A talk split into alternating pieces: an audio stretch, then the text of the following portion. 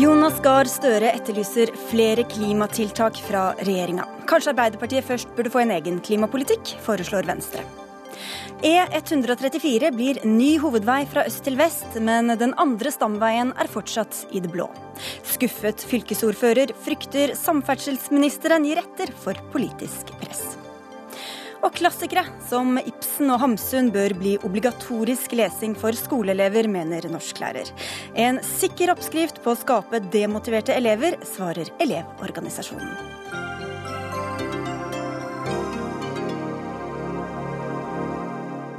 Velkommen til ukas siste Dagsnytt 18 på NRK P2 og NRK2, hvor vi også skal til New York, der en ny plan for Syria legges. Jeg heter Sigrid Solund.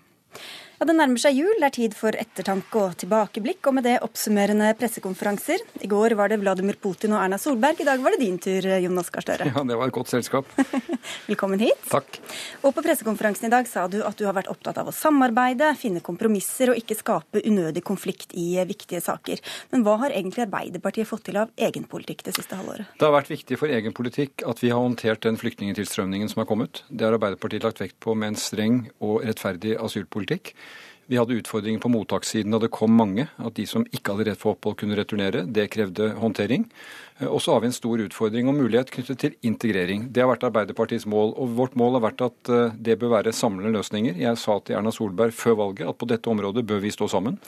Og det betyr at på det området har det ikke vært en aktiv opposisjonspolitikk, men veldig mange timer for å få til brede forlik, som jeg tror Norge er godt tjent med. Så det dere har fått gjennom er Høyre og FrPs politikk og alle andres politikk? Nei, overhodet ikke. Vi har rammet inn Høyre og Frp sammen med Høyre og Frp og Kristelig Folkeparti Eh, og Venstre og Senterpartiet. Eh, og det er blitt gode løsninger. Jeg vil gi honnør til alle partiene. Jeg er faktisk stolt over å være i et eh, parlament hvor vi kan ha så brede løsninger. Så er Arbeiderpartiet i opposisjon. Vi har jobbet mye med vårt alternative statsbudsjett. Det har ikke fått flertall. Det er kommet i skyggen av debatten rundt flyktningene. Vi har vært veldig opptatt av den høye ledigheten.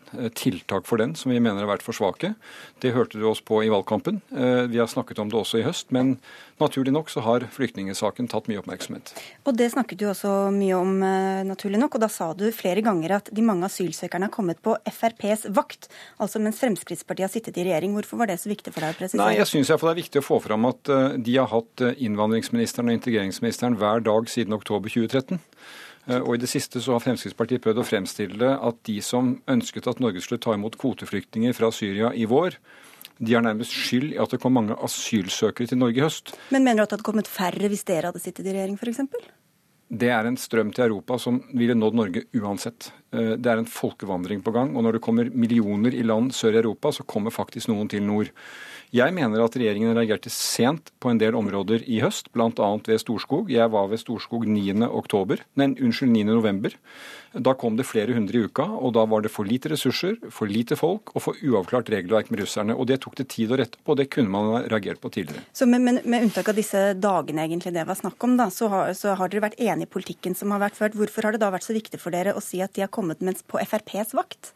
Nei, men Det er jo akkurat som jeg sa. Fremskrittspartiet har drevet på nett og i taler en argumentasjon som sier at det at flertallet i Stortinget mente vi skulle ta imot 8000 kvoteflyktninger, og la meg understreke, det er folk som ikke kommer til vår grense, de sitter i leirene, kan aldri returnere.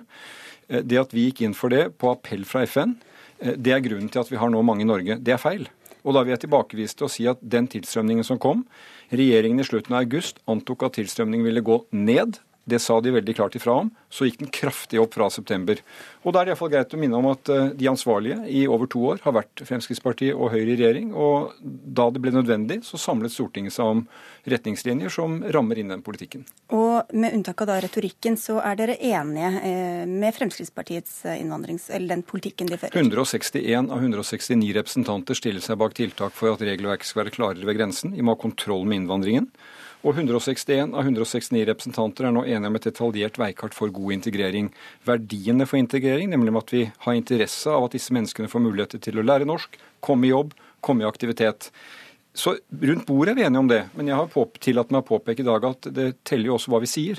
Og vi har i høst eh, gjentatte ganger prøvd å få Siv Jensen til å avklare om hun fortsatt mener at kommunene ikke bør ta imot i bosetting. Og jeg syns jo det er et problem at hun da sier at det kan hun ikke avklare, vil ikke avklare. Mens Fremskrittspartiet i regjering eller sier at det er en veldig viktig oppgave å integrere. Det blir det forvirring av, og det er ikke bra. Du ble spurt på pressekonferansen din i dag om du vil ha et forbud mot hijab for jenter i barneskolen, sånn som nestlederen din Hadia Tajik har tatt til orde for. Nå er det sådd litt tvil om hva nøyaktig hun mente, hun har vært invitert hit uten å uh, kunne komme. Men du sier altså at du ikke vil ha et lovforbud uh, mot dette. Uh, du sa at du mener barn skal få slippe å bli påført plagg og tradisjoner som gjør det vanskelig å være barn i Norge. Men hva hvis barna gjør dette helt frivillig, da? Det er en vanskelig avveining. Nå, det Hadia Tajik tok opp, det var at plagg som skal skjule kvinners seksualitet, som ligger bak eh, argumentasjonen, bl.a. for å bruke hijab. Det skal ikke barn påføres, det skal ikke være et tema for barn. Hun tok ikke til orde for et lovforbud, men hun tok opp det temaet. Det mener jeg er viktig. Det jeg hører fra rektorer i skolen, er at lovforbud neppe er riktig vei å gå. Jeg er ikke tilhenger av at vi skal ha politi og ordensmakt som skal ta klærne av folk i åpent landskap, iallfall ikke barn. Men det bør håndteres på skolen på en slik måte at de i skoletiden kan slippe det. Det er, det er krevende valg, men jeg tror faktisk skolelederne, og med en klarere støtte fra det politiske Norge om at det bør være regelen i barneskolen, eh, er best skikket til å ta den jobben. Så hvis det er det seksuelle eller den potensielle seksuelle settingen som er problemet, så bør dette også da gjelde for trange bukser, korte topper, dype utringninger osv.? Det er temaer som vi også har i samfunnsdebatten. Eh, og jeg mener at barn skal få være barn. De skal slippe det presset. Så skal de ta valg når de blir eh, ungdom og etter hvert å bli voksne. Eh, men religiøse plagg av forskjellige karakterer, heldekkende, halvdekkende, som frembringer religiøse identiteter, det mener jeg barn skal få slippe. På vei inn i klasserommet så må du innom tilsynet for høy moral? Nei, men Det er jo akkurat det som er grunnen til at dette med lovforbud ikke er en veldig klok sak. Og jeg hører som sagt kloke rektorer her i Oslo-skolen sier at dette er ikke et problem i det daglige. De klarer å håndtere det. Eh, men jeg syns det er også viktig at vi politikere kan si at barn skal få være barn i Norge og skal slippe å bli påført den type eh, identitet som det er. Vi skal la hijaben eh, ligge, for i tillegg til asylsituasjonen så snakket du om arbeid, om ledighet og om klima på halvårsoppsummeringa i dag. Og dette henger jo sammen, som du også påpekte. I veldig stor grad, ja. Hva vil dere gjøre annerledes enn regjeringa med støttepartier for å vri om på næringslivet, skape flere grønne arbeidsplasser nå når vi ser at mange mister jobben? De tingene henger sammen, eh, og det krever et litt langt svar. Jeg skal forsøke å gjøre det kort. Eh, for det første mener jeg at vi nå i Stortinget må sitte sammen og si hva betyr Paris for oss. Det betyr at industrien vår må slippe ut mindre, det blir dyrere og færre kvoter. Så skal vi gjøre en stor jobb i alle de områdene som ikke har vært omfattet av det, av det regelverket. Landbruk, trafikk, eh, veitrafikk, samferdsel, bygg, avfall osv. Eh, og da trenger vi kraftigere virkemidler, mener vi. Eh, vi må arbeide for en utslippsfri transportsektor. Veien til det, virkemidler for det. Vi må ha en eh, null-lavutslippsvisjon for all industri. Løsninger som vi skal arbeide mot det. Vi må ha null- og lavutslipp til sjøs. Vi må ha mer klimaforskning. Og vi må fortsatt ha et sterkt internasjonalt engasjement. Vi er engasjert på de områdene gjennom flere år. Vi har klimaforlik som trekker opp de rammene. Men vi kommer til å trenge sterkere virkemidler for det. Og særlig når vi nå er forpliktet sammen med Europa å kutte 40% på 15 år, det er en stor jobb. Da høres det jo ut Venstre-leder Trine Skei Grande, som om det er ganske stor enighet. Da. Vi snakker mye om det grønne skiftet, men det er nærmere ikke lett å skjønne hva det går ut på bestandig. Hvor er det dere skiller dere fra Arbeiderpartiet på dette punktet? Kanskje det at vi faktisk klarer å konkretisere hva det er vi vil gjøre. Og de to store skillene akkurat nå handler om vilje til å si at vi må gjøre noe med hele oljebransjen vår. Det er i ferd med å skje gjennom oljeprisen. Men vi kan ikke lenger satse på å ha de store investeringene i Norge i en bransje som vi vet kommer til å bli avslutta.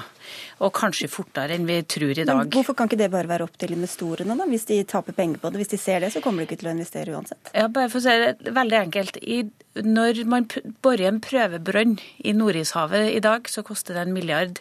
Den milliarden betales over vårt felles pensjonsfond. Det betyr at vi bruker penger på å investere i leteboring i næring som vi vet kommer til å måtte avsluttes om noen år. Eh, derfor så er det feil å ikke si at vi ikke skal bo i iskanten, at vi ikke skal bo i Lofoten og Vesterålen. Alle de viktige områdene som skal satse for annen produksjon. Det andre vi må gjøre, er at vi må ha et grønt skifte i skattepolitikken. Det betyr at vi må nok gi noen skatteletter til folk flest, og ta inn det i miljøavgifter.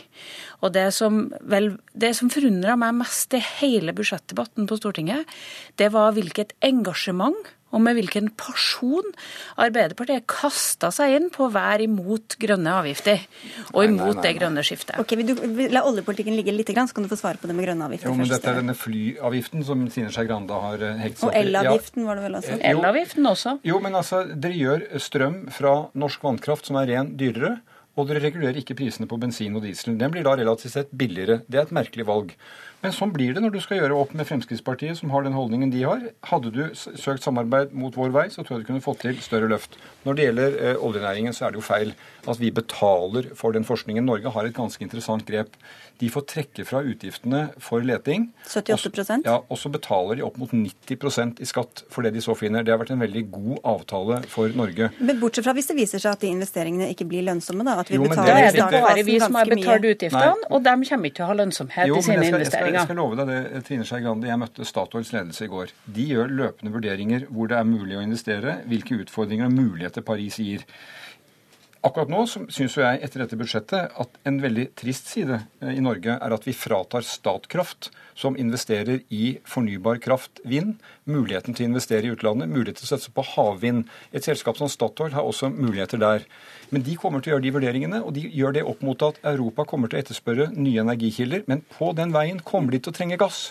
Og derfor er det ikke klokt av Norge Men hvis, for vi ikke tenker på gassen, men, men vi låser jo opp ganske mye ressurser og også personell og så videre ved å legge opp til da, gjennom denne finansieringsmåten, eller Jo, Hvis du går ut i oljebransjen i dag, så vil du se at eh, problemet er ikke at du låser opp personell, problemet er at folk mister jobbene. Og vi er inne i en omstilling hvor de dyktige menneskene skal kunne både fortsette å betjene den sektoren og gå til nye sektorer. Det er Norges store mulighet. Men vi må ha en forutsigbarhet i våre rammevilkår. Det høres høytidelig ut, som betyr at selskapene må gjøre sine vurderinger. De sitter og vurderer lønnsomhet. Og det må bli slik at det er dyrt å forurense, og at det ikke er lønnsomt med store utslipp. Jo, men vi har en CO2-avgift siden 90-tallet som er høyere enn noen har drømt om at vi kan få en pris på CO2. Hadde verden hatt den prisen, så hadde den sett ganske annerledes ut. Og jeg tror rett og slett ikke at Norge, som produserer gass med lave utslipp, gir et bidrag til Europa ved å kutte ned på det gjennom ensidige politiske beslutninger. Dette er en gammeldags tankegang. Trua på at gass skal liksom bringe oss gjennom dette skiftet, det er så gammeldags at jeg trodde egentlig ikke at nasjonale politikere har løfta det lenger. Det som eh, Gahr Blant annet dine samarbeidspartnere gjør det ganske ofte her i dette ja, men de tvinges nok til å gjøre endringer på dette her, gjennom de store endringene som vi har fått til, både med å si 40 %-målet, som Arbeiderpartiet måtte slepe seg etter. Nei, nei, nei, nei. Jeg satt her i studio sammen med Gahr Støre noen timer før vi gikk ut med det, og da var han ikke villig til å si at 40% var noe man skulle strekke seg med. Men, men bare for å sagt det, det som er problemet her, det er at man overlater fullstendig over til næringslivet å foreta det grønne skiftet innenfor oljebransjen. Jeg mener jo det å lure oljenæringa og si at dette må dere bare gjøre eh, finansielle ordninger på, vi skal ikke bry oss om dette, dere skal bare få bore i Lofoten og Vesterålen, dere skal bare få love, eh, bore i polarområdene. Da lurer det norsk oljebransje til å investere i områder som ikke kommer til å være lønnsomme fremover. Tror du ikke de klarer å tenke litt selv på hva som vil være lønnsomt? Ja, for å si sånn, De har fått noen trøkker i trynet, norsk oljebransje, de siste, de siste to årene, eller det siste året, som betyr at ikke alle vurderingene er basert på at man klarer å, å se for seg hva som skal skje framover. Og jeg mener at politiske ledere må lede. Og så til avgiftspolitikken. Vi, vi har fått fram en grønn skattekommisjon. Det som funker best på miljø, det er å gjøre de miljøvennlige valgene billigere og de ikke-miljøvennlige valgene dyrere. Det har vi gjort. Blant annet Dere har lagt noen øre på elavgiften, og, Ja, og grunnen til at man gjør det hvor mye monner det egentlig? Ja, det monner jo såpass at, eh, at Arbeiderpartiet svinger seg opp i nye høyder på å latterliggjøre Fremskrittspartiet for at de faktisk er med på de grønne skiftene. Altså, siden du er veldig opptatt av Arbeiderpartiet, og det, det, det syns jeg er hyggelig, så kan du gå inn og Men- se på det. Vi, altså, vi bevilger vesentlig mer penger til miljøteknologifond, som gjør at industrien kan satse rent. Vesentlig mer til at du kan bygge ut kollektivtrafikk i de store byene. Vesentlig mer til Nei, forskning. Og vi setter mål for utslippsfri eh, eh, strategier i industrien, som vi følger opp med midler. Det er penger som monner. Jeg har respekt for at du klarer å dra denne regjeringen i en klimavennlig retning, for den kommer jo med veldig, veldig lite. Men, men, men sitt ikke her og skap illusjonen om at det er Arbeiderpartiet som holder igjen på det. Du sitter i en regjering som ønsker å gjøre bensinen billigere og strømmen dyrere. Det er et dårlig valg. Nå må du slutte å lyge. Vi fikk gjennom et gjennomslag på å få til en miljøavgift på fly. Det er faktisk et ganske viktig grep, for det er en stor utslipp. Dere gikk imot det at vi faktisk fikk kutta i pendlerfradragene. Så gjør vi, gjør vi togbillettene billigere, og så kutter vi på det som handler om de sponsing av fossile utslipp. Det å gjøre noe på elavgifta, vet du hva det betyr? Jo, det betyr at det blir mer lønnsomt å gjennomføre energiøkonomisering. Det er et bra skup for norsk næringsliv, faktisk. Og det dere faktisk gjør, med å også slakte Grønn skattekommisjon når den kommer frem, si at den går altfor langt. Nei, den går faktisk for kort hvis vi skal nå de målene vi må gjøre innenfor klima- og miljøområdet. Og det er sånn at det hjelper ikke Det hjelper ikke å gjennomføre støttetiltak til næringslivet alene hvis du ikke skaper et marked for de produktene. Det er det vi gjorde når vi gjorde alle andre drivstoff enn eh, bensin og diesel billigere. Men, men, det fører til at man nå bygger kan, jeg få si ett ord, da? Bare komme, komme innimellom. Du gjør Norges største aktør på fornybar. Det er ikke å ljuge, nemlig. Det er å si at du har tatt fra dem muligheten å legge en strategi ved at du tar penger i utbytte. Statkraft. Du tar penger i utbytte Det var vel neppe Trine Skei Grandes forslag. Nei, men du er med på men, det det men for å si det sånn, Statkraft hadde jo sagt at de ikke skulle satse på dette anlegget som de skulle satse på. Kan, kan jeg få snakke ferdig? Når du først da tar ansvar for det kompromisset du inngår, så må du ta ansvar for hele, hele siden ja, av det. Og jeg, jeg, mener det er feil strategi at ikke dette selskapet nå må si at det må gi opp havvind, som er en veldig viktig del av det Norge kan bidra med. Bl.a. fordi vi har utviklet teknologi og kompetanse i vår olje- og gassnæring. Statoil skal også kunne bli et selskap som kan rendyrke den kompetansen de har på store havdyp, ute i hardt vær, i å lage eh, installasjoner som kan eh, for, trekke opp nye eh, fornybare energiformer. De investeringene her jo, som er lønnsomme, kommer det jo til å komme investeringer på.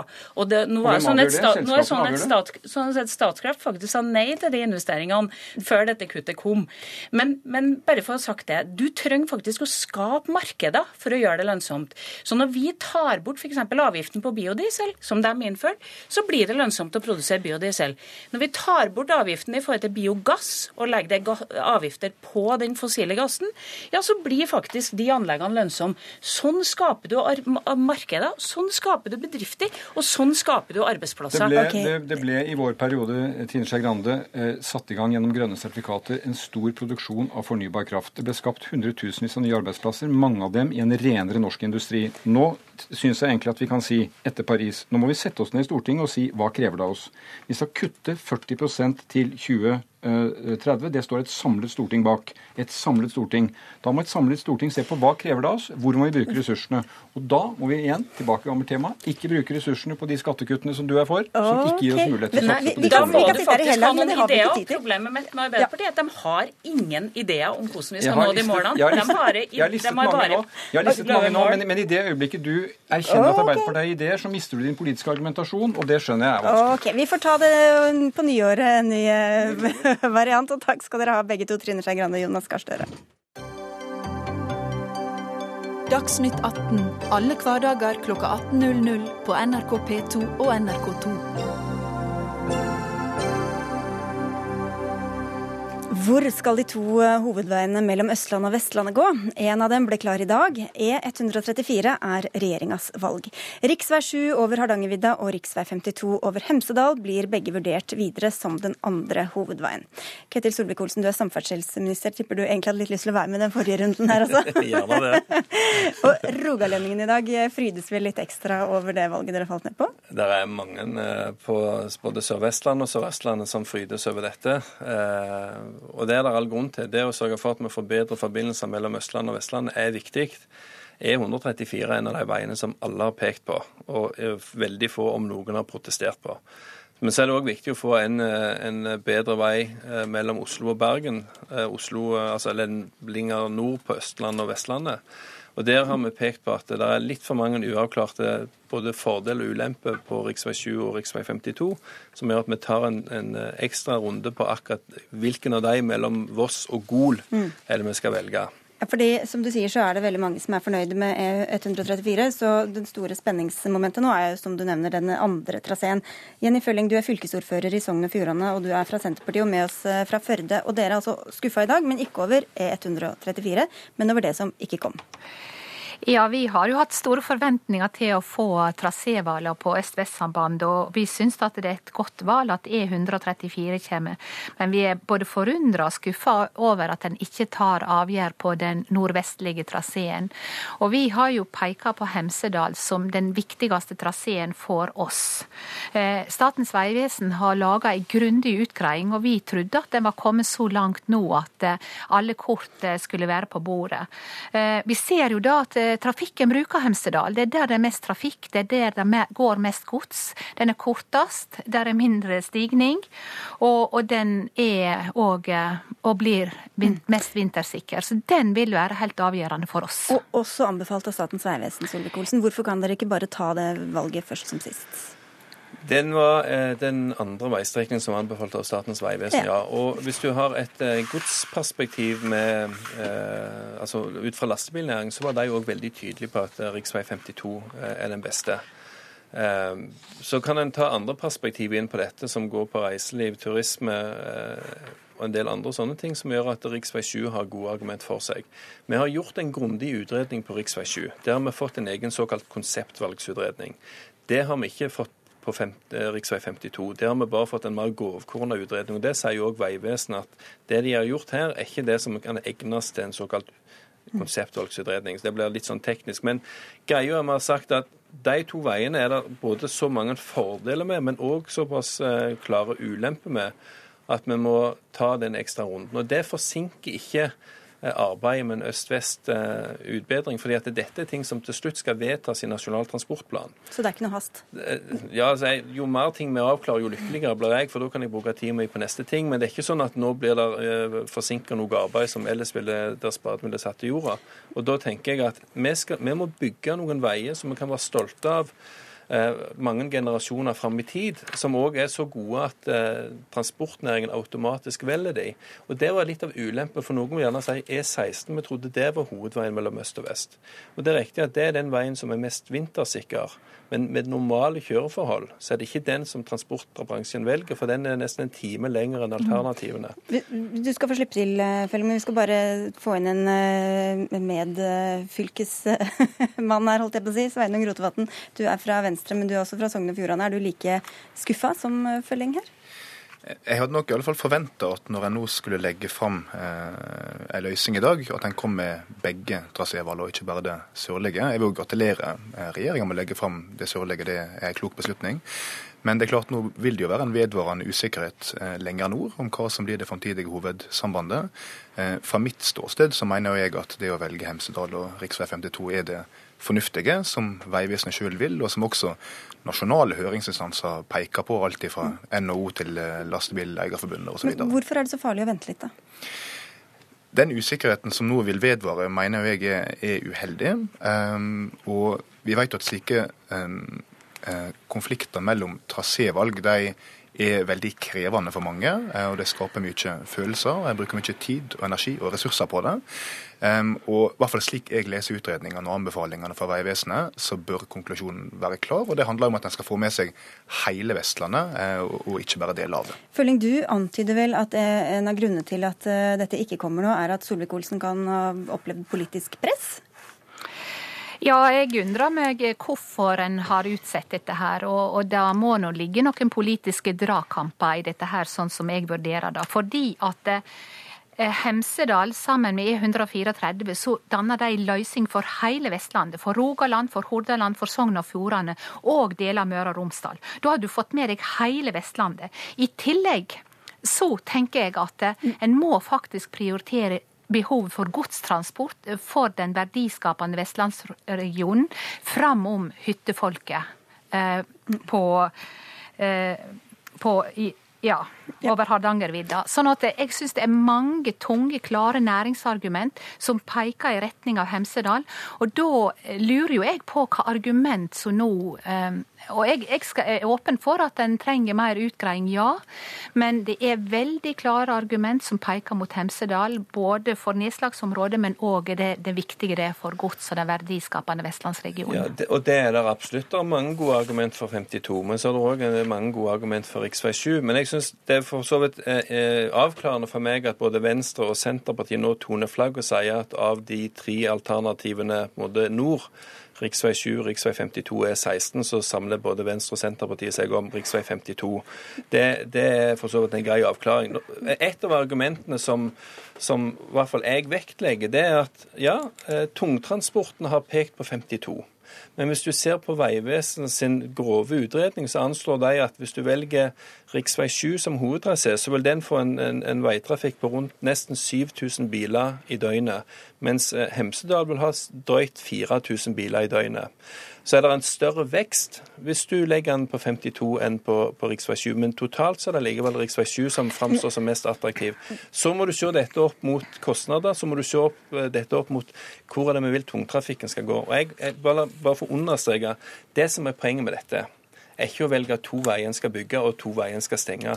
Alle fire av veiene her vil ha en viktig rolle lokalt, regionalt, men så skal vi ha to veier som skal ha en sterkere rolle nasjonalt. sånn at når vi bruker store penger på å kutte reisetid, så må vi kanalisere dem inn på disse to mm. veiene vi velger, og ikke hele veien spre de tynt, sånn at du ikke får noen som blir bedre enn de andre. Nå sa Solvik-Olsen at Senterpartiet og Venstre har eh, tonet flagg, eh, Rotevatn. Jeg vet ikke om det er geografien eller om det er partiet som eh, styrer det du sier her i dag? Nei, det er vel ingen parti nasjonalt som i og for seg har tonet flagg. Det er nok ulike meninger i mange partier partiet her. Men uh, som representant for Nordvestlandet og for Sogn og Fjordane, så mener jeg at dette er hvor, det hvor, riktige uh, Hvor subjektivt og hvor objektivt ser du på dette da? Nei, Jeg ser på det slik at uh, det er viktig at en har et samband som er et stykke sør, men det at det er et samband som også er lenger nord, slik at hele Vestlandet har trygge samband øst-vest der det også er ulike værsoner, eh, tror jeg gir en større sikkerhet. og Det er også den løsninga som Vegvesenet peker på. Men når det er sagt, så mener jeg jo at en på rv. 7, altså over Hardangervidda, det er klart en bør gjøre utbedringer der. og Det er mye villreinproblematikk osv. Så, videre, så det skal en definitivt se på. Men som hovedsamband så mener jeg i alle fall at Hemsedal er det riktige valget. Men Det er litt rart å få kritikk fra opposisjonspartiet om at regjeringen ikke står samla når vi ikke får kritikk fra et samla opposisjonsparti engang. ja, men dette er en beslutning som Er det opposisjonsparti nå plutselig? Jo, men altså når, når, når Senter Senterpartiet og Venstre her er skuffa over at regjeringen ikke har en klar beslutning, men de sier selv at de ikke snakker på vegne av sitt parti, for der er det ulike synspunkt. Så sier det litt om kompleksiteten i dette. Det er nok beslutninger som ligger i regjeringa, men etter hvert så kommer vi jo til Nasjonal transportplan, og det er klart at hvis samferdselsministeren vil ta med Stortinget på rådet, så mener jeg det er positivt. Og det legger vi opp til. Og det er vel ikke helt ukjent føling at her er det litt sånn hjemstedet som, eh, som teller?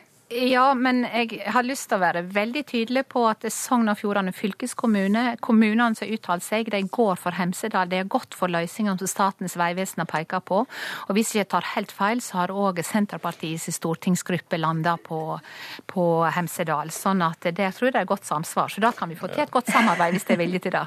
Vi eh, går litt tomme for tid her, Sveinung Rotevatn, men du fikk i hvert fall komme og snakke for økt biltrafikk. Det er ikke så ofte Jeg tror vi skal satse på budsjett framover der vi både har trygge veier, og der vi satser på jernbane. Der har vi heldigvis et godt samarbeid med regjeringa, med rekordhøye budsjett. Men jeg vil jo si at dårlige veier er jo ikke god miljøpolitikk. I hvert fall når skal hjem. Nei, det som er veldig viktig, er at de bilene som kommer til å trafikkere disse veiene inn i de neste generasjonene, det er utslippsfrie biler. Så vi kan ikke slutte å bygge infrastruktur bare fordi du i dag har et miljøproblem fra biltrafikk. Det er vi enige om. Ok, Takk skal dere ha alle tre, Ketil Solvik-Olsen, Jenny Følling og Sveinung Rotevatn.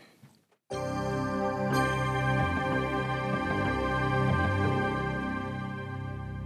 Mens forfattere som Knut Hamsun, Sigrid Undset og Henrik Ibsen tidligere var obligatorisk lesing for skoleelever, stiller dagens læreplaner i norsk ingen krav til hvilke bøker eller forfattere elevene skal lese. Det har ført til at den klassiske litteraturen snart er på vei ut av skolen, og nå bør de inn på læreplanen igjen. Det tar i hvert fall du til orde for i Klassekampen, Tom Jambak. Du er lærer og hovedtillitsvalgt for Utdanningsforbudet i Buskerud. Men, men hva slags bøker tror du har erstattet mistet den klassiske litteraturen i skolen?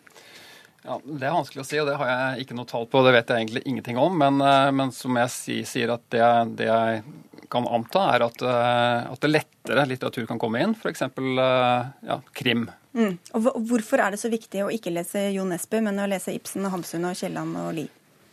Fordi det er forskjell på god og dårlig litteratur. Og mange forveksler dette med dannelse som om, om sånn drøvtygging av gamle slagere. Men det er jo ikke det jeg snakker om. Er, jeg snakker om den det at det er, eh, det er, snakk om positiv identifikasjon, altså kjenne seg igjen i noe, og kunnskap om hvor vi kommer fra kulturelt. Og disse forfatterne, de fire store, da, så blir ofte sånn symboler på det. Nå sa jeg Hamsun i stedet for eh, Kielland, var det vel? Ja, men det er helt greit. Hamsun er en kjempe, kjempeforfatter, han. Så, så, det er helt i orden. Men, eh, men disse, disse har bygd opp mye av vår kultur og hvor mye vår tenking og de verdiene som vi har ført videre. Altså da, da, noen vil si da kanskje at Hamsun er kontroversiell akkurat når det gjelder det, men, eh, men likevel. Da. Det er viktig å ta med dette her videre. Og da mener jeg ikke, selvfølgelig ikke bare de gamle, men også de nye norske forfatterne. Kristoffer Hansen, du er leder i Elevorganisasjonen. Er det mer uh, Olav Duun og Cora Sandel eller hvem det skal være som må inn på læreplanen vi trenger? Hvis vi ser på hva som er utfordringa i norsk skole, og en av de største utfordringene med en tredjedel som dropper ut, så er det nok neppe det at uh, mer Duun på læreplanen vil være det som gjør at disse elevene fullfører videregående. Og det vi snakker om her, det er jo, eller det Jan Bach egentlig tar ordet for, det er jo en økt akademisering av videregående opplæring. Det er en økt akademisering av yrkesfagene. Når vi trenger å gå i motsatt retning, når vi trenger å gå i retning av mer praksisnær opplæring på yrkesfag, så vil han ha eh, programfesta her nå at vi skal lære om, om Ibsen istedenfor uh, å stå med hammeren. Og det er der jeg mener det er feil. Dette er feil, feil rekkefølge å ta det i. Det vi kunne snakka om, det var jo grunnskolen. Hadde vi snakka om grunnskolen, så hadde det vært en annen debatt. Altså grunnopplæringa. Og jeg lærte jo på ungdomsskolen om Henrik Ibsen, og jeg lærte om eh, Pang det smalt og bukken som falt i bakken og hele den greia der. Men det er grunnskolen. Nå er vi på videregående. Og her må vi snakke om en helt annen, en helt annen begreper enn den dannelsesretorikken som du fører. For den hører grunnskolen til. Du er for seint. Du er allerede ferdig dannet når du er 16 eh, år. Du er nok ikke ferdig danna, men det som blir tatt til orde for her, er at det er så viktig å lære om Ibsen at alle burde ha det i bokhylla. Og hvis det var sånn at alle skulle ha det i bokhylla, ja, da må vi jo ha det i 10. klasse eller før. Mm. Fordi at alle går 10. klasse. Alle norske ungdom går ikke videregående. Det er frivillig å gå videregående. Det er ikke noe subjektiv eh, mening jeg har at eh, Ibsen er en viktig forfatter. Eh, han er den som blir mest spilt på teater over hele verden etter Shakespeare. Uh, og det er jo sånn at, eh, at, Jeg vil jo gjerne presentere Ibsen for elevene fordi jeg mener det er viktig, og fordi jeg vet at det er viktig for norsk kultur, og det er en viktig forfatter de vil møte senere i, i, livet. Og så er det det med, med yrkesfag. Jeg jo, har undervist på yrkesfag, og jeg mener jo at de de, de, trenger også å møte den typen litteratur på yrkesfag. Jeg har vokst opp i et hjem der med en, en snekker og en hjelpepleier. og Hjemme hos oss var det Ibsen og, og Bjørnson i, i bokhylla. og det er klart at hvis, hvis, vi skal si at dannelsen eller litteraturkunnskapen skal være for én del av folket, og så skal de andre ikke vite om det, og Da er det vanskelig å vite, hvis vi møter noen på, på, på jobben som sier at dette var det som var bøygen. Ja, det er felles men, referanser og felles kultur. Og Det får man gjennom ti år på grunnskolen. Men at du skal få lov til å velge Hamsun eller Ibsen til dine yrkesfaglever, det må være kjempelov. Det må være helt greit. Men det betyr ikke at vi skal forby en annen norsklærer i å ha Nesbø, da, for å ta det som eksempel, hvis man ønsker det. Dette handler ikke om å forby noe. Det handler om at det skal være en lærer til profesjonelle skjønn. Altså, det her må være første gang ever at Utdanningsforbundet går inn ut og ønsker mer politisk detaljstyring av klasserommet. Jeg vet ikke om du snakker helt på vegne av hele Utdanningsforbundet. Nei, nei. jeg snakker men, på vegne av meg selv. Og, ja, og, og, men, men det, er det litt mistillit til kollegene dine, da? i nei, det du sier? Nei, absolutt ikke. Selvfølgelig ikke. Og det, det, er jo interessant nå at nå går jo en stor gruppe med lærere ut og blir pensjonister nå, som har hovedfag i norsk f.eks.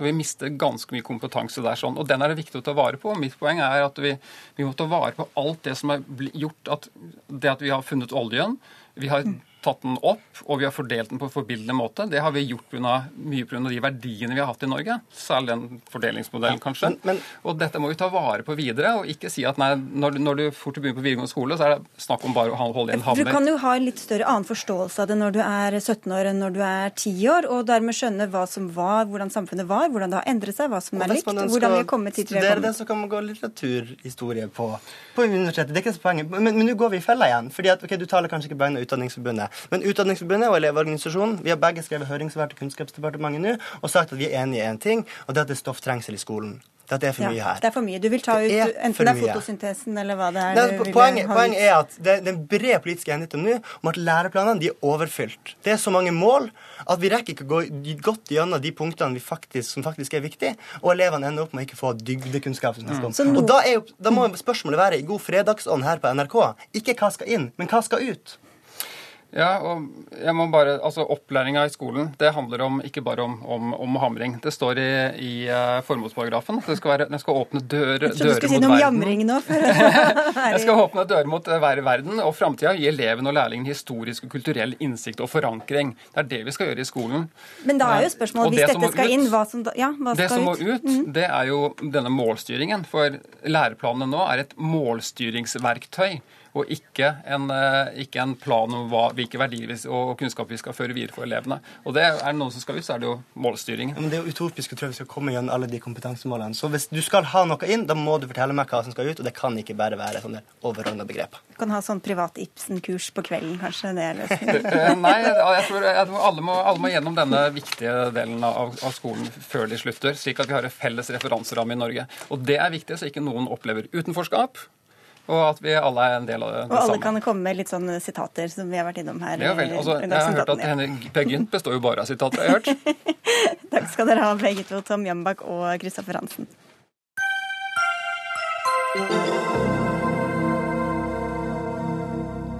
Om to og en halv time møtes den internasjonale støttegruppa for Syria i New York for å diskutere videre hvordan de skal finne en løsning på Syria-konflikten. Dette er en oppfølging av møtet i Wien i november, som munnet ut i en timeplan som legger opp til et overgangsstyre i Syria innen seks måneder. Blant landene som deltar, er USA, Russland, EU-landene og Den arabiske liga. USA-korrespondent Gro Holm, hva er håpet om at skal komme ut av dette møtet? Ja, eh, Denne støttegruppa har for så vidt allerede møttes i New York. Det er Sikkerhetsrådet i FN som møtes om to og en halv time. Mm. Eh, og eh, Det er håpet at man skal ende opp med en resolusjon, en bindende resolusjon i Sikkerhetsrådet i dag som gir støtte til våpenhvile og dette veikartet for fred eh, som det var enighet om i Wien eh, for en eh, del uker siden. Og Det er jo et veikart som er støttet av så ulike land som USA og Russland, Saudi-Arabia og Iran. Så her er alle de viktigste regionale støttespillerne med. Men det er, har kommet signaler både fra USAs FN-representant og fra den amerikanske i dag om at det er vanskelig vanskelig å bli enige om en resolusjon.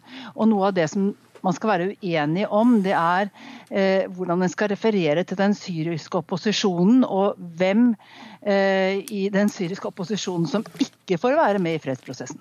Er det militærstrategi eller er det politiske og diplomatiske løsninger som, eh, som diskuteres?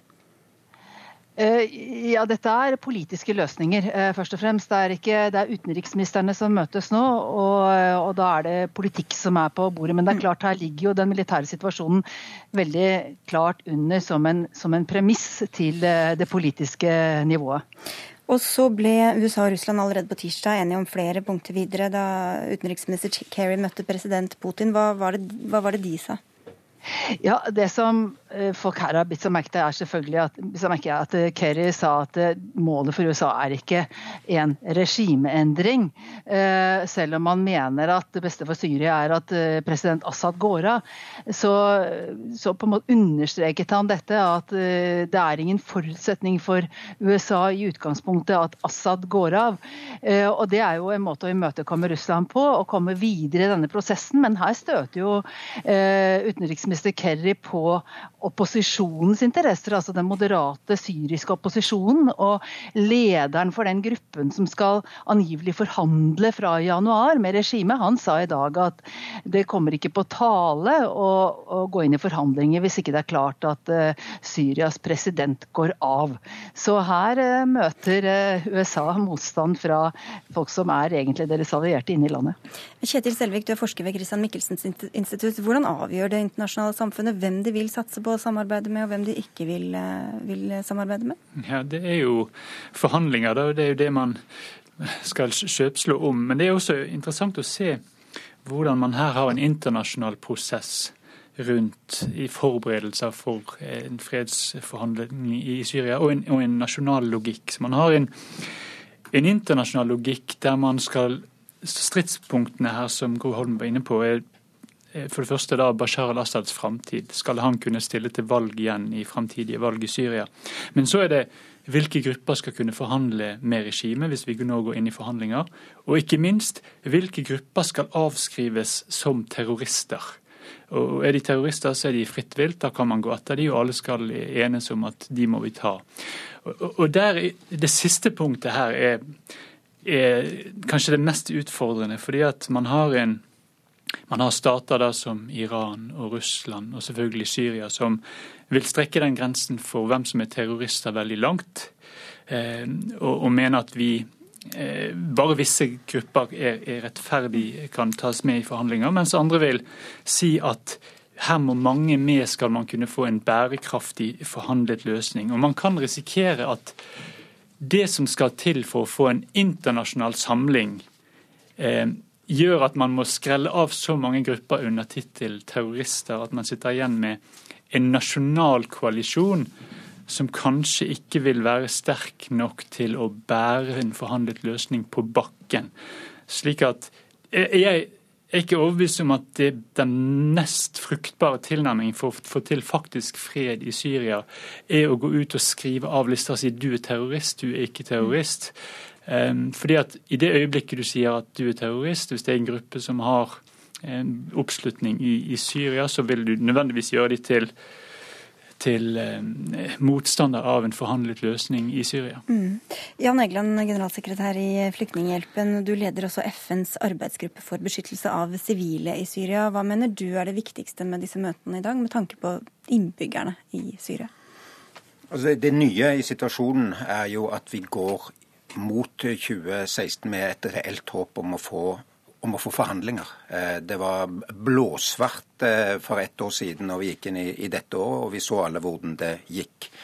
Eh, det vi forbereder, er mulige forhandlinger i Genéve i slutten av januar. Og der er altså FNs sjefsmegler Staffan de Mistura, og så er det fire av oss som skal tilrettelegge forhandlinger på fire ulike områder. Og nå er det premisset fra denne Wien-gruppa, med Kerry og Lavrov i spissen, at man skal begynne med å diskutere både en nasjonal våpenhvile og knyttet til det politiske samtaler om Syrias framtid. Det er meget mm. ambisiøst. Eh, en, en, en, mindre ambisiøs sak vil jo i og for seg være å, å, å bare diskutere våpenhviler for å gjøre humanitære ting, som ville da være under, under mitt område. Selvik, nå det, kan det da virke som Gro Holm var inne på, at, eh, at Putin har fått uh, noe gjennomslag for at Assad-regimet ikke nødvendigvis trenger å, å skiftes ut. Hvordan forholder Assad seg til alt det som skjer? Eh, nei, Assad har jo samtaler med, med, Iran og Russland og har nok en slags eh, forståelse av, at, av, det som skjer, og de vil kreve at, eh, at man gir visse konsesjoner. Vi ser jo at både Assad-regimet og opposisjonen i Syria en, enser at her er det noe på gang. Det er et internasjonalt momentum-program for å få til en forhandlet løsning, for å få en ende på konflikten. Og man prøver å tilpasse seg. Så regimet vil jo vise at de er villige til å gå inn i en, i en dialog. Mm. Eh, og opposisjonen har gjort det den kan eh, de siste ukene for å vise at den er mer enhetlig og samlet enn en det man kanskje har mistenkt den for å være. Og, og Særlig var Saudi-Arabia i bresjen der for, for, å samle opposisjonsgrupper, og også bygge bro mellom den politiske opposisjonen og den væpnede opposisjonen, og kom fram med et, en felles plattform for å vise at det fins en forhandlingspartner på den andre siden. Jan Egeland, det kom en eh, rapport, en FN-rapport som eh, slår fast at eh, det er rekordmange flyktninger nå. Kan overstige 60 millioner mennesker. Hvordan er utviklinga Dette er jo fra, hovedsakelig fra Syria, men det var fra første halvår, halvdel av, av året. Hvordan ser situasjonen ut nå for flyktninger fra Syria? Altså det, det, grunnen til at vi nå har klart over 60 millioner flyktninger og internflyktninger i verden, både 20 millioner som har krysset en landegrense, og 40 millioner pluss som er innenfor en landegrense, det er ikke, ikke minst pga. Syria. Det er først og fremst Syria. Så, så 11-12 eh, millioner av disse er fra ett land, Syria. Eh, bare de siste månedene så har det kommet hundrevis av tusen til Flyktninghjelpen er inne i Syria. Vi har sett hvordan eh, det pga. bl.a. av bombingen og offensivene fra myndighetssiden har flere hundre tusen nå eh, nye blitt kastet på flukt. Det er tilknyttet disse mulige forhandlingene også vi snakker om. Eh, det er ofte slik, dessverre, at kampene intensiveres før partene tror det blir forhandlinger, for at de skal stå sterkere ved forhandlingsbordet. Men hvem er det da som må betale for det? Mm. Jo, det er jo ikke mennene med våpen, det er de sivile som må flykte. De brukes i et politisk spill da? De, ja, og de, de ofres rett og slett for å få mer territorium, enten på myndighetenes side eller på de ulike gruppene, som også styrker seg i forhold til hverandre. Altså, det er mange paraply, paraplyer av opposisjonsgrupper inne i, eh, inne i Syria. Det er alt i alt flere hundre ulike små bevæpnede grupper som slåss for territorium. Vi må takke dere denne omgang. Gro Holm, du følger med på møten. Takk skal du ha. Takk til deg, Kjetil Selvik fra Christian Michelsens institutt, og til Jan Egeland fra Flyktninghjelpen.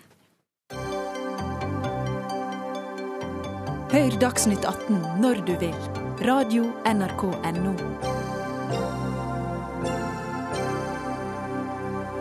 Og mens eh, møtene pågår i New York, holder EU, nett, EU, nettopp på å avslutte et møte om hvordan unionen skal håndtere flyktningene som kommer fra Syria og andre steder.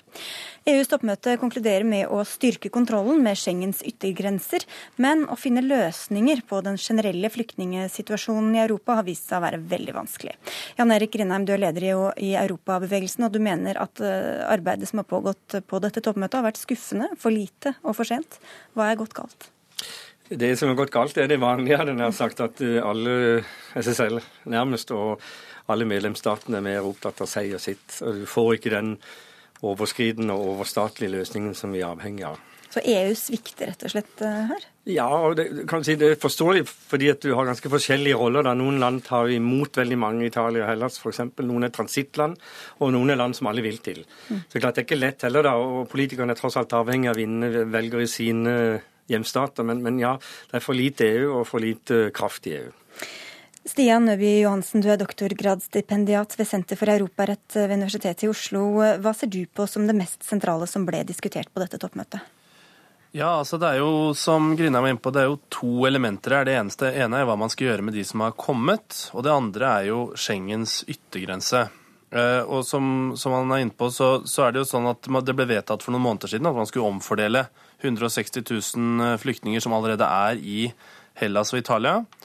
Og Det ble diskutert på møtet, men man klarte ikke å få til noe konkret. De sier at de skal fortsette å jobbe med det, men av de 160 000 man ble enige om å omfordele, så er det bare noen hundre som hittil er omfordelt. Så, så det det da isteden ble snakket mer om, og hvor det er mer konkrete ting som skjer, det er grensebeskyttelse, altså beskyttelse på en måte av yttergrensa. Da, da, kom det også et forslag om en overnasjonal grensevakt. Eh, hva ligger i det, og hvor realistisk er det? Ja, eh, Det er nemlig slik at per i dag så har man noe som heter Frontex. Det er EUs yttergrense-agency. De har da rådgir medlemsstatene hvordan bygge opp grensekontroll. Og de kan også bistå med å formidle på en måte eh, tollere og andre sånne grensevaktpersonell fra en medlemsstat til en annen.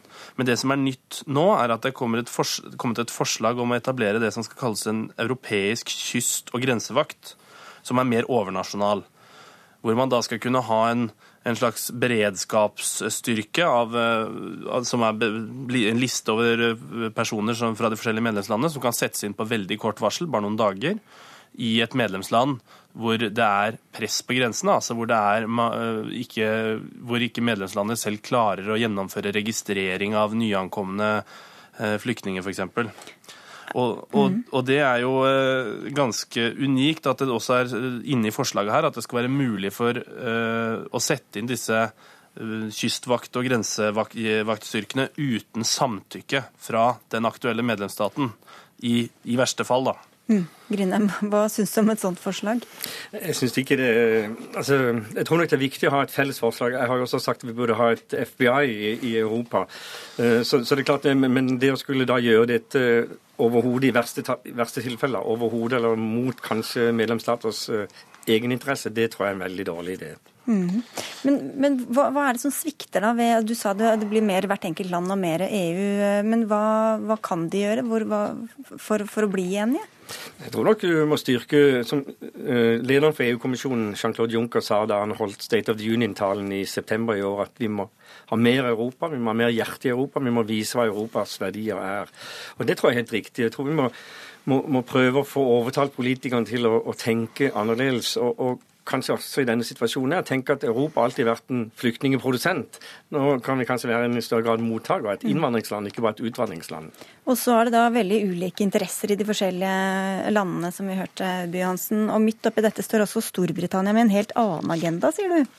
Ja, eh, hvis jeg først bare kan skyte inn eh, på det, på det Grindheim, eh, Grindheim peker på her, så er det klart det er, det, er et, det er, jo et, helt klart behov for en eller annen felles løsning. Og, og det som er paradokset, er at man er jo interesse av å beskytte yttergrensene. Det er liksom det eneste man klarer å være enige om å ha fokus på. Du ser jo Noen av de østlige landene har også sagt det, at vi må først få på plass dette grenseforslaget. Så kan vi begynne å snakke om omfordeling. Og det er jo en ganske sånn spesiell situasjon. At man, på en måte, man er kun opptatt av å beskytte seg, klarer ikke å snakke på overordna nivå om de som faktisk er her og trenger beskyttelse. Eh, så når det gjelder dette med Storbritannia, det er jo ganske interessant, fordi dette møtet her i Det europeiske råd, som er da samlingen av alle stats- og regjeringssjefene som har vært de siste par dagene, der var jo David Camerons store prosjekt å få, å få, få opp agendaen som et viktig punkt Storbritannias forhold til EU, som de ønsker å reforhandle. Og Der går det jo en prosess i kulissene, men dette er jo viktig for Cameron også å få tatt opp på disse toppmøtene hvor alle EUs ledere er. Mm. Fordi de reformene han ber om, de vil kreve forendring av EU-traktatene.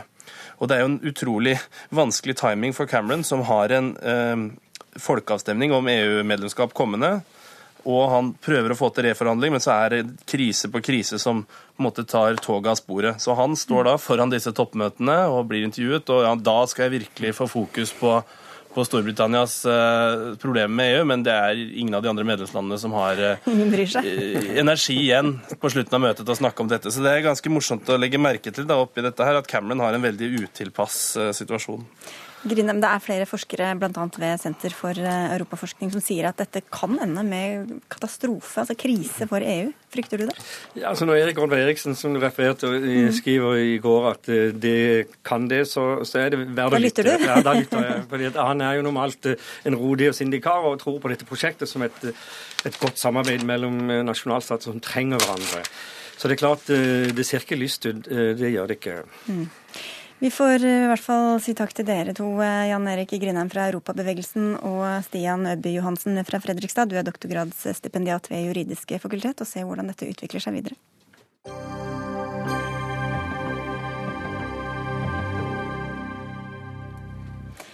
Nå blir det distrikt og musikk her i Dagsnytt 18. I går ble det klart at finalen av Urørt, en musikkonkurranse for uetablerte artister på NRK P3, flyttes fra Trondheim til Oslo. Siden 2008 er musikkfinalen blitt sendt fra Studentersamfunnet i Trondheim. Og at dette arrangementet nå flyttes til Oslo er et slag i trynet, skriver du i en kronikk på NRK Ytring. Karen Sofie Sørensen, du er daglig leder for BRAK, som er et kompetansesenter for musikk i Hordaland og Sogn og Fjordane. Hvorfor et slag i trynet? Eh, det er et slag i trynet for oss som driver med å bygge en musikkbransje i hele landet. Enten det er Trondheim eller Bergen eller Stavanger eller Kristiansand eller andre byer, så handler det om den signaleffekten man nå ser ved at både Spellemann, eh, Bylarm, som i opprinnelsen skulle være en festival utenfor Oslo, som har blitt der fast, og nå òg NRK P3 Urørt, som flytter Urørt-finalen til Oslo, så, det, så, ser vi at det er stadig flere viktige nasjonale møteplasser for musikkbransjen som havner i hovedstaden, og det er synd for oss som prøver å bygge opp en bransje i resten av landet. Altså selv om du holder til på, i Bergen og på Vestlandet, så, det, så mener du at dette går utover alle? Ja, det, er, det går utover alle fordi den muligheten man, ha, man hadde nå til å bygge opp fornya Urørt-finalen i Trondheim, der redaksjonen ligger, der man har Norges nest største bransjefestival, Trondheim Calling. Den, det argumentet for å ikke bygge opp under det arrangementet og flytte nok en stor musikkmøteplass til Oslo, den ser jeg ikke verdien av. Musikksjef i P3 Mats Borch Bygge, hvorfor flytter dere dette til Oslo? Det er rett og slett med bakgrunn i at Urørt-finalen har eh, holdt på da i Trondheim i eh, en årrekke. Og vi føler at vi har, eh, om ikke brukt opp Trondheim, så har vi makset det vi kan der. Og eh, tror at vi vil kunne gjøre Urørt-finalen enda viktigere for ny norsk musikk ved å flytte den til Oslo. Hvorfor det? Det handler om at det vil være enklere å få presse og aktører som kan ta disse bandene som står på scenen et steg videre. Og det handler om publikumsinteresse. Så for å få mer interesse og få fulgt opp bedre, Sørensen, så er det bra for artistene, da? Å legge det til Oslo? Eh, ja, men samtidig så må man tenke hva som er best på kort sikt med et bra show, og hva som er bra på lengre sikt med å faktisk bygge opp en bransje og være med på å bidra til å fornye Urørt som, som konsept i en annen del av landet. Sant? De ringvirkningene det har for en bransje, for lokale arrangører. Eh, det er de som bygger opp de stjernene som kan stå på en internasjonal festival på Bylarm om et par år og få internasjonal oppmerksomhet. Så det er liksom dette her, er det kortsiktig eller langsiktig? Ja, nei, altså Urørt-finalen har jo vært på fryktelig mange steder. Eh, vi hadde et samarbeid med Bylarm også innledningsvis og var rundt om i hele Norge. Så Urørt-finalen og P3 som sådan skal være i bevegelse og flytte seg. Og nå er det da eh, Urørt-finalen i Oslo som er tingen. Eh, signalteknisk eh, Jeg kan forstå at eh, krefter rundt om i Norge tenker at dette er en ytterligere måte mm, nedvurdering av distriktet som en bærer av ny norsk musikk, men det er det ikke. Altså Hvis man ser på seertallene til Urørt-finalen på TV, så eh, har de vært dalende. Det har vært en fallende interesse. Så vi tenker at å eh, prøve å gjøre noe nytt med Urørt-finalen er både sunt for Urørt-finalen Men de som ser, på, de som ser på det og ikke er, det, er der på, eller foran scenen, de, hvordan skal det hjelpe dem at du flytter det til Oslo? Kan du ikke heller gjøre noe med showet som sådan? Altså De 600 publikummerne som, som er der, vil jo da miste Eh, muligheten til å se eh, bra band på en scene og være med på en, eh, et show. Men med P3 så har vi en rekke andre eventer og show ute i landet for øvrig i året. Så det at vi mister et type event og show, tror jeg ikke er nevneverdig skummelt. Nei, men Må dere legge det til Oslo for å gjøre noe med publikumsinteressen? Nei, Det er et helt betimelig spørsmål å stille, og vi var i dialog med Trondheim Calling, som nevnt her, og vurderte det seriøst. Nå var det eh, sånn at valget falt på Bylarm. Det handler litt om eh, tid på året. Eh, og så handler det om hva slags eh, krefter det kan sette i sving. Hva tror du det handler om da, Sørensen? Nei, For det første så handler det ikke om event og show at de skjer rundt omkring i landet. Dette her handler om en møteplass og en arena for musikkbransjen. Men det er jo viktig å tenke på musikken. Altså Tenk på musikerne. Det virker som om eh, veldig mange som spiller i band eh, eller holder på med musikk, er veldig, eh, mener dette her er veldig riktig og, og, bra. Så det er jo på en måte musikken og musikerne vi ønsker å løfte opp og fram, og nå også da ut av landets eh, grenser. Og det er veldig, veldig bra. Men du mener at NRK har et spesielt ansvar som allmennkringkaster, eh, Sørensen, for å også tenke på distriktene? Ja, absolutt. Jeg mener det handler både om kulturpolitikk og distriktspolitikk å ha sterke regionale miljø. Mm. Og, og, det er helt og, riktig. Og det at Urørt-finalen nå skal være en arena for internasjonal lansering av artister, det Syns, det argumentet syns jeg virker litt, litt, tynt. Kan dere ikke dere lage deres egen festival og konkurranse i Bergen, da? Jo, vi må, vi må jo nesten det snart for å, for å, ha en møteplass der man samler den bransjen. Det er jo nok av ting i Oslo allerede, Borpuk, om ikke dere skal flytte denne konkurransen også hit?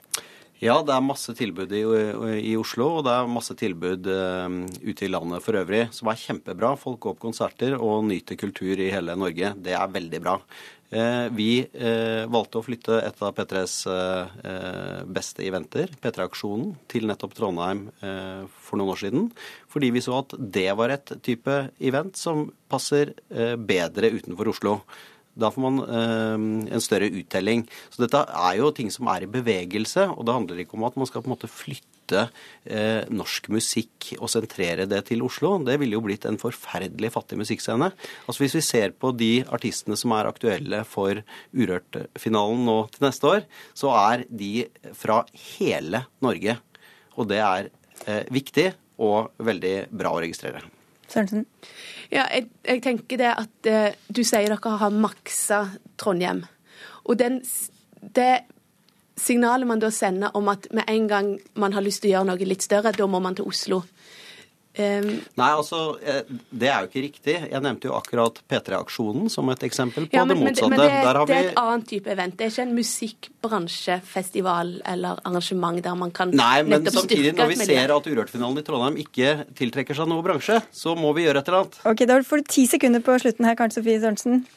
Uh, jeg syns at er Urørt ikke er veldig bransje i viktig.